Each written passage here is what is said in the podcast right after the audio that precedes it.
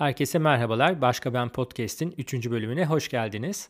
Benim ismim Berhan ve bu podcast serisinde sizlerle okuduklarımı, düşündüklerimi ve öğrendiklerimi paylaşmaya ve tartışmaya çalışıyorum.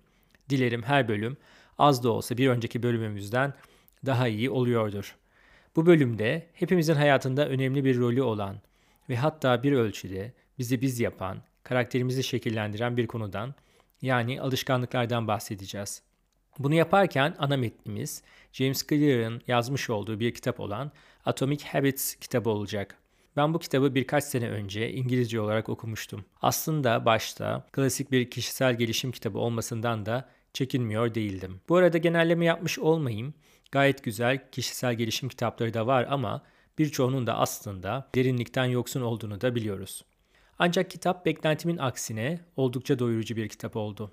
Kendi alışkanlıklarıma daha dikkatle bakmaya yönlendirdi beni ve yeni alışkanlıkları sürdürebilmeme yardımcı oldu diyebilirim. Kitap bir süre önce Türkçe'ye de çevrildi. Atomik Alışkanlıklar ismiyle. Farkında olduğumuz ama değiştiremediğimiz alışkanlıklar benim ilgimi çeken bir konu. Buradaki tezatlık üzerine düşünmek hoşuma gidiyor. Daha çok su içmek gerektiğini biliyoruz ama her gün unutuyoruz bunu. Şekerli yiyecekler yememek gerektiğini biliyoruz ama yemeye devam ediyoruz. Veya her sene başında kendimize yeni hedefler koyuyoruz ama çok kısa bir süre devam edebiliyoruz bu hedefler için çalışmaya. Öyle ki bu tip hedeflerin %90'ı başarısızlıkla sonuçlanıyormuş. Gerçekten bir hayal kırıklığı. Motive oluyoruz, kendi kendimizi telkin ediyoruz ancak sonuç istediğimiz gibi olmuyor. Bunun en temel sebeplerinden biri ilk bölümde değinmiş olduğumuz profesyonelleri amatörlerden, sıradanları fark yaratanlardan ayıran bir yaklaşım olan uzun vadeli düşünebilmek aslında. Bill Gates'in sözünü yeniden hatırlayalım. İnsanların çoğu bir senede yapabileceklerinden çok daha fazlasını başarabileceklerini düşünürken 10 senede ise başarabileceklerinin çok daha azını yapabileceğini düşünür. İşte atomik alışkanlıkların da mantığı biraz bunun üzerine kurulu. Alışkanlıklarda ufak iyileşmeler yaparak uzun vadede büyük bir farka ulaşmak. Atomik adı da buradan geliyor bir çeşit bileşik faiz hesabı gibi aslında ki bileşik faizin de uzun vadede ne kadar güçlü olduğunun yeterince farkında olamıyoruz çoğu zaman. Şöyle bir örnek verelim. Bir sene boyunca her gün %1 artış gösteren bir şey sene sonunda tam 37 kat artmış oluyor. Tam tersi senaryoda ise neredeyse sıfırlanmış oluyorsunuz. Buradaki zorluk sonuçları hemen istememiz ve bu küçücük iyileşme ya da kötüleşmenin etkisini o anda fark edemeyişimiz. Ve bu durum aslında iyi ve kötü alışkanlıklar için eşit davranmıyor. İyi alışkanlıkların yerleşmesini zorlaştırırken kötü alışkanlıkların kalıcı olmalarına neden oluyor. Şöyle düşünün. Bugün bir saat spor yaptım ama pek bir etkisini göremedim doğal olarak ve ertesi gün yapmadım. Gidip fast food yedim ve bunun da kötü bir etkisini görmedim. Dolayısıyla bunu da değiştirmek için bir neden göremiyorum. Bu sonuçlar ancak belli bir zaman sonra ortaya çıkıyor ve aslında o zamanki durumumuz bir bakıma geçmiş alışkanlıklarımızın gecikmeli bir sonucu olmuş oluyor. Bu aşamada bir başka kritik nokta da hedef koymak ile sistem odaklı düşünebilmek arasındaki farkta yatıyor. Kitapta çok hoş bir söz var. Şöyle demiş. Hedef koyunca hedefinizin seviyesine çıkmazsınız ama sisteminizin seviyesine düşersiniz. Herkes şampiyon olmak istiyor ama ancak her geçen gün gelişen bir sistem inşa edenler buna ulaşıyorlar. Bilirsiniz, kaybedilen futbol maçlarından sonra şampiyonluğa oynayan ama biraz geride kalmış olan takımın oyuncuları devamlı olarak şampiyon olacaklarına olan inançlarını yenilerler. Hatta geçen gün bir başkan yenildikleri maçtan sonra bu bence şampiyon olacağımızın bir göstergesi demişti. Yani hedefi ön plana çıkarıyor yalnızca. Oysa bunun yerine aslında sisteme odaklanıp sistemde aksayan noktaları iyileştirmeye çalışıp önümüzdeki maçlara baksak çok daha yerinde olacak gibi görünüyor. Peki bu noktada alışkanlıkları değiştirmenin neden bu kadar zor olduğuna giriş yapalım. Bunun en önemli nedenlerinden biri aslında kazanmak istediğimiz alışkanlığımızın o güne dek inşa ettiğimiz kimliğimizle çelişmesi. Ve bu kimliğimizi de aslında seneler boyunca kendi kendimize genellikle de doğru olmayan kabullerle zihnimize işliyoruz. Örneğin yön bulmak konusunda iyi değilim. Kişilerin isimlerini asla hatırlayamam gibi. Sorun şu ki zihninizi bunlar gibi kalıplarla doldurdukça bunlar artık gerçekmiş gibi kimliğinizin de bir parçası oluyor ve sonrasında bu kalıpların dışına çıkıp Daha iyi bir alışkanlık geliştirmek istediğinizde ise kimliğinizle çelişen bir şey yaptığınız için bu alışkanlığı sürdürmek oldukça zor oluyor. Dolayısıyla kritik bir nokta kimliğimizi ve dolayısıyla kimliğimizi inşa eden inançlarımızı değiştirebilmek. Bunun için de öncelikle nasıl bir insan olmak istediğimizi belirlemek ve sonra da ufak adımlarla bunu kendimize kanıtlamak iyi bir başlangıç olarak görünüyor.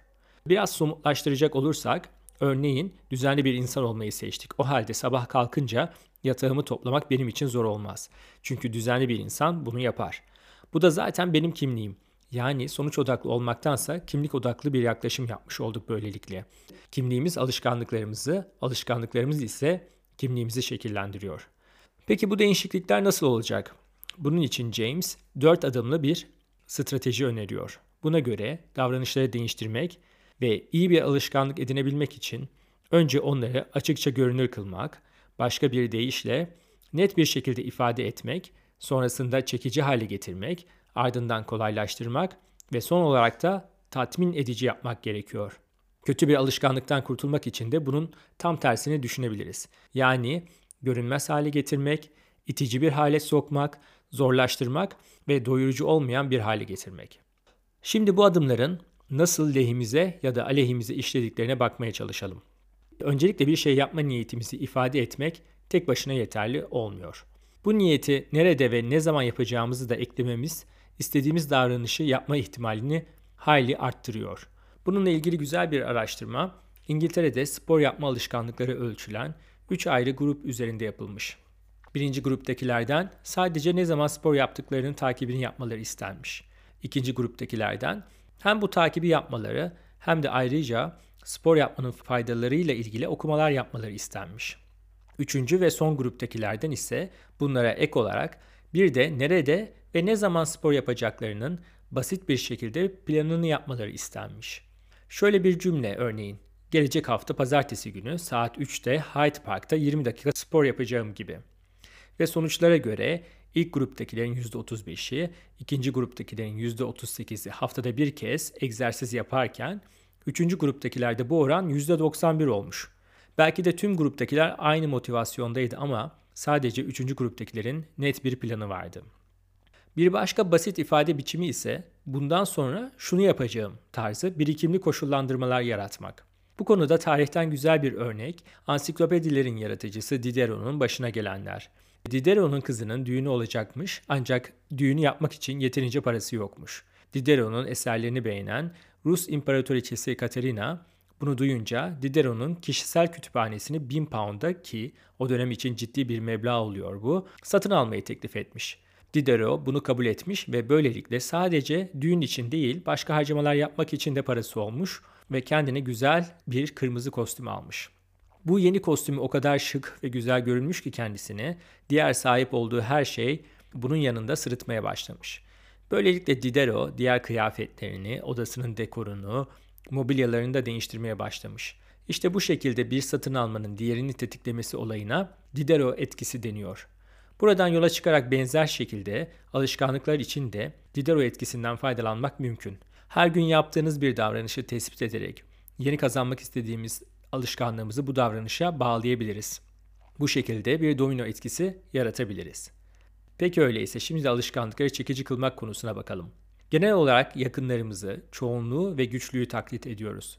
Bu taklit bazen kıskançlıkla, bazen ise gıpta ederek, imrenerek oluyor. Bu konuda Fransız filozof René Girard'ın ufuk açıcı kitapları ve yazıları var. Girard'a göre insan diğerlerine göre yani başkalarının arzularına göre arzular. Bu açıdan bakarsak bir gruba dahil olup o grubun değer verdiği alışkanlıklara sahip olduğunuzda bu alışkanlıkları sürdürmek de çok kolay oluyor. Kitapta verilen bir başka güzel örnek ise tarihin en başarılı santranç oyuncularından Judith Bolgar ile ilgili. Judith aslında üç kız kardeşin en küçüğü olarak doğuyor. Babaları Laszlo, deha olarak doğulmadığını, dehaların eğitimle yetiştirildiğine inanan bir kişi ve bu düşüncelerini eşiyle beraber kendi çocuklarında uygulamış. Evi satranç tahtalarıyla, satranç oyuncularının posterleriyle kısacası satrancı sevdirecek her şekilde tasarlamışlar.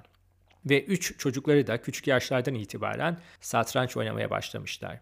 Dışarıdan bir bakışla belki otoriter ya da sıkıcı gibi görünen bu yaşam tarzı Polgar kız kardeşleri için ise doğal ve eğlenceli olmuş. Çünkü içine doğmuş oldukları grup yani ailelerinin öncelik ve değer verdiği bir şey yapıyorlar ve hem de bunu çok iyi yapıyorlar.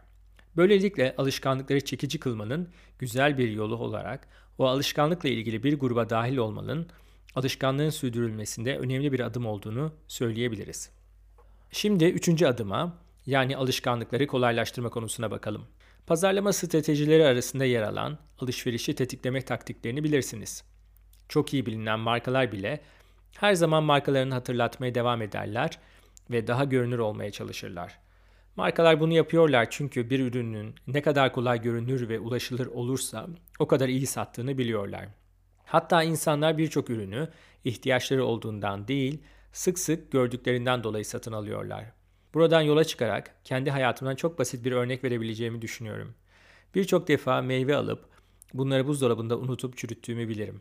Ama ne zaman bunları annem gibi büyük bir tabakta masanın üzerine koysam kısa sürede meyveler bitmiş olur. Aslında yapmış olduğum şey kazanmak istediğim bir alışkanlığa daha kolay ulaşmak için aradaki engelleri kaldırmak oluyor. Çocuk yetiştirirken de bu böyledir aslında. Çocuğunuzun iyi bir alışkanlık kazanmasını istiyorsanız örneğin resim yapmasını mesela kalemlere, kağıtlara ulaşması kolay olmalı.